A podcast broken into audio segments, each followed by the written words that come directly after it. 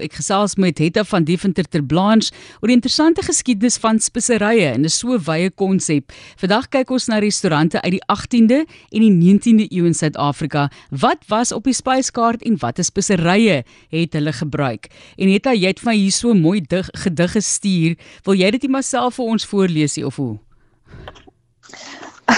Martelies, ek is eintlik glad nie 'n digter nie en ek ek jy kan hom lees. Ek het hom eintlik by 'n baie goeie vriend van my gekry, um Johan Klaasen wat altyd met sy neus in al hierdie ou argiewe rondkrap. En dis toe ek vir hom sê, dis waaroor ek praat, toe stuur hy vir my die gedig. So dit is vir my baie spesiaal, maar ek is nou nie 'n digter nie. Dis 'n Koos Doep uh, gedig. Ek gaan die gesprek daarmee afsluit. Dit is spesiaal vir jou, maar as jy nou kyk na restaurante, dan dink ek regtig, die 18de en die 19de eeu was hier restaurante in Suid-Afrika. Dit was natuurlik 'n hele ander konsep waar dit vandaan gekom het. Ja. Ja, Martelies, dit het nogal ontwikkel. Ehm um, want die moderne restaurantkonsep is glad nie so oud so alhoewel restaurante baie eeue oud is. So Kaapstad was nou weer uh, die geboorteplek van die eerste publieke eethuise. Jong, ek ek voel al sleg om elke keer te sê dis Kaapstad, maar dit is nou maar so. Maar jy weet 350 jaar as jy hom nou voor die uh, die 18 en 19 eeu genaal 350 jaar terug Ehm um, kon jy ook nie sommer net 'n losiesplek of 'n eetplek oopmaak nie. Jy moes eers 'n lisensie van die van die kompanjie af bekom het. Ehm um, en in 16 die tydperk 1656 tot 72 was slegs 5 persone in Tafelbaai ehm um, geregtig om uh, of het hulle lisensies gehad om herbergiers te wees. En weet dit uh, baie van hierdie ou die, die, die vroeëre uh, herberge het die mooiste name gehad. Hulle was nogal lief om vir hulle 'n naam te gee met 'n dier soos die rode os het witte paard, het swarte duifie, goue leeu, al hierdie tipe ehm um, name. En Johan wat ek nou vroeër wat ook vir my die gedig gestuur het. Hy het vir my vertel het wat maar baie rof gegaan in hierdie plekke. Daar was gedurende gestry en beklei en die dames was ook betrokke. Ek weet nie altyd of hulle nou die dames van die nag was of maar daar was ehm um, gevalle waar dames ook sommer 'n swaard in die uh, arm gekry het. En um, hy het ook vir my vertel in 1658 was daar so voedselskaars aan die Kaap dat die herberge en losieshuise voor aangesien is om geen maaltye te verskaf nie. So fooi tog kan jy nou vir jou dink, um, dat jy nou by 'n herberg inboek en jy kan nie kos kry nie. Maar weer Martelise mense is eintlik maar meer half 'n vlieg teen die muur um, en jy jy kyk nou maar so half 'n bietjie terug na boedel inventariese resepte want dit is moeilik daar het nie regtig vir spyskaarte behoue gebly nie. So mense moet maar so half jou eie prentjie vorm. So ek wil net sê dis nou eh, dis so 'n bietjie van ons raai 'n bietjie wat was die spyskaarte gewees en wat was die speserye van van daai tyd So ek wil net ek wil net vir daar sê so dit wat in die films tentoongestel word in terme van hoe rof dit is by sulke tapperye soos jy nou sê, is dan nou korrek geweest. Goed, so ek wil hom net dit sê, maar ja, die speserye moes seker baie interessant geweest het. Mens dink eintlik eenvoudig, want want hoe baie van dit is teen daai tyd versprei geweest, maar jy gaan vir ons 'n bietjie insig gee. Ek gaan maar net om vir jou terug te kom na jou ehm um, films toe. Ek kan um, dit is my altyd moeilik om die hierdie historiese films te kyk want baie keer is dit so verkeerd dat die mense eet met messe en vurke en verfynde borde uit 'n tydperk waar daar nie nog nie sulke goeders was nie of nog nie met jy weet net met 'n mes geëet en nie reg ja. met 'n vurkie so vir my is dit altyd moeilik. maar ja, weet jy Martelies, die eerste lekker 'n uh, lekker beskrywing wat waarvan ons weet van klein eethuise uh, wat hulle um, want aanvanklik het hulle ook nie noodwendig hierdie plekke uh restaurante genoem. Dit was eethuise, taphuise, tavernas, bierhuise, herberge, losieshuise. Jy weet allerlei ander name, maar dis nou waar hulle dis openbare plekke waar hulle kos bedien het. So die eerste eethuise was klein Chinese eethuise of die eerste waar daar nou lekker vertelling oor is wat ons nou definitief weet, waar daar beskrywing is. Ehm um, wat in op die spyskaarte was. So dis dis nogal lekker. So dis 'n 18de eeuse ehm um, Chinese eethuise, daar het hulle curry resepte gehad want daar was gepekelde vis en curry en rys. Hulle het ook koffie en tee en 'n verskeidenheid seekos bedien. So dan kyk 'n mens nou na wat was die eienaars in hulle boedel inventarisse, dan sien jy daar was peper, tamarijn, gedroogde vrugte aangekoop wat hulle sekerlik 'n lekker curry mee sou maak.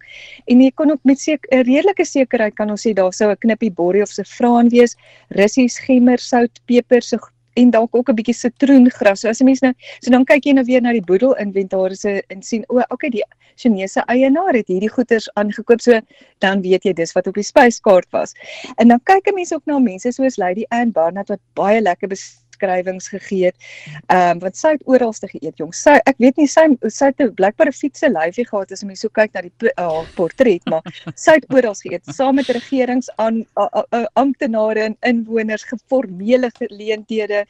Ehm um, sy vertel dat byvoorbeeld die armes kon 'n lekker smoor maak met eie en 'n paar russies en vars kruie, sout en skaapstert en ek spesifiek vertel nou hierdie ene want ek wil vir jou oor 'n ander resep net maar vertel. En dan praat sy ook van ehm, 'n um, wonderlike snoekgereg wat hulle met koljander voorberei het. Jy weet wat ook so in 'n pan gaar so so snoek snoeksmoor amper. Dan was daar 'n anonieme dame, eintlik dink ons ehm um, dis drie spookskrywers, maar sy het al geskryf onder 'n anonieme dame self anonieme dame genoem wat baie lief was om in die ehm um, te skryf oor Kaapse spyskaarte. Sy het byvoorbeeld geskryf die Kaapenaars was lief om sout en peper oor hulle vrugte te eet. Dan hulle dat hulle byvoorbeeld sout oor lemoen gestrooi en peper oor 'n span spek aan die einde van 'n maaltyd. Ehm um, en dan was hier 'n Sweedse botanis, baie bekende Anders Sparman wat vertel het dat hy in 1772 by 'n huis gekom het en sy hele keel omtrent aan die brand gevoel het van van russies. So ons weet, jy weet so jy moet dan maar na sulke goeders luister en dan kyk jy wat was die spyskaart op die op die uh menu op, op die hotel spyskaart so Laipold vertel graag oor 19de eeu se uh, eetplekke soos hy praat byvoorbeeld van die Queen's Hotel in Seepunt, die Royal Hotel in Pleinstraat en die Withuis in Strandstraat. Nou die Withuis, ag oh, Martelies, ek en jy sou lekker daar geëet het. Hy praat van tradisionele Suid-Afrikaanse gunstelinge op die spyskaart, so saties met gebraaide piesang, sambals vir ontbytmiddagete, ehm um, gunstelinge soos raap en tamatiebrede en dan praat hy ook van gesmoorde veldkool. Nou jy weet, hoe, ons dan nou nie weet nie, maar dan dink jy nou weer hoe Lady Anne Barnard gesê daai eie russies kruie, sout, skaapstert vet. Hy skryf ook dat die heerlikste geregte in Lucie se huise bedien is soos die van Juffrou Waal in Koningin Victoria straat maar dan sê hy ook dat jy eintlik nie meer hierdie uh, uh, Lucie se huise en eetplekke nie meer hierdie kos aanbied jy moet nou maar iemand ken en dan verduidelik hy byvoorbeeld iets soos pinangvleis en hy gee die resep hy sê klein stukkies lamsrib ingevryf met gemaalde peper, gemmerpoeier, sout en bokfietmeel. Dan smoor jy dit nou alles en dan gooi jy hierdie geurende mengsel van kruie, speserye in wat russies, groen russie, rooi russie, 2 eetlepels koriandersaad, kaneel, lemoenblaar, suurlemoenskil, knoffel, naaltjies, peperkorrel, 'n stukkie vinkelstingel en 'n lekker lepel borrie en tamarijn en dan word dit met suurmelk gemeng en dan verder gaar gekook. Jo, Martelies, wat dink jy? Jo, nee, ek wil alles hê nie die piesang noodwendig nie, maar die res wil ek wel alles hê, alles hê.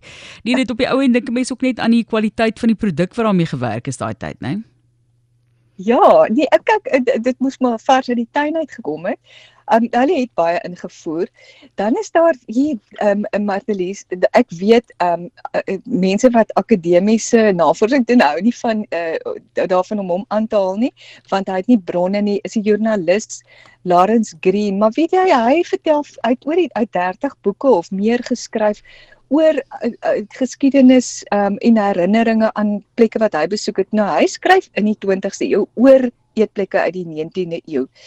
So hy verwys na Kaapse teekamers en kafees waar daar gemmerbier en sulke tipe dinge bedien is. Maar wie jy dit van dit is vreeslik interessant. Hy noem die Café Royal in Adderley Straat wat nou uit die 19de eeu is. Een van die oudste restaurante aan die Kaap. En dan noem hy byvoorbeeld 'n spyskaart wat nie vir my klink asof daar baie met speserye gekook koeie um, gewerk is en gekook is nie. Hy ken byvoorbeeld die hoofkelder se naam en dan sê hy die uit 'n geheime resep vir slaai gehad en die slaai sous het maar bestaan uit suurlemoensap, olie, asyn, sellery, sout, peper, suiker, uh fyn gekapte eie en knoffel en dan sit net maar net so 'n blaarslaai en soetpeper en tamatie sou 'n uh, slaai. Maar hy beskryf ook 'n heerlike Kaapse vissop soos 'n ek sou sê 'n klassieke bouillabaisse wat deur die eienaar van Café Diane wat se naam Jacques was, gemaak is wat uit snoek, vis, tomaties, eie, russies, petersilie, timie, gemmer en borrie bestaan. Dit so lekker, lekker speserye, nou, daar op die spyskaart. Um, Dit klink fantasties. Het daar so laaste noot van jou kant af, so laaste punt? O, oh, genade jong, is so lekker. Hy praat van ek moet vir jou hierdie hierdie naam uit. Daar was 'n herberg met die naam van I never say nothing to nobody in. Martelies, as ek en jy nou daar kuiertjie kon gaan maak, hm? Ek dink ons moet ons eie tappery begin of herberg of iets soos dit. En dan bedien ons sulke tipe van kos. Hoe klink dit? O nee, Martelies, dit is te harde werk. Nee, dis ons wil net gaan. Ons wil net aansit en gaan eet. Mooi gestel. Ja, sy is 100% reg. Dis te veel werk daai. Soos beloof vir jou Hetta, Koos Du Plessis se herbergier wat sy vir my aangestuur het. As jy wil vlug van alles, profete, dromers, malles. My deur word nooit gesluit, maar hou die hele wêreld uit. En praat maar, niemand hoor nie en dra geen woord ooit oor nie.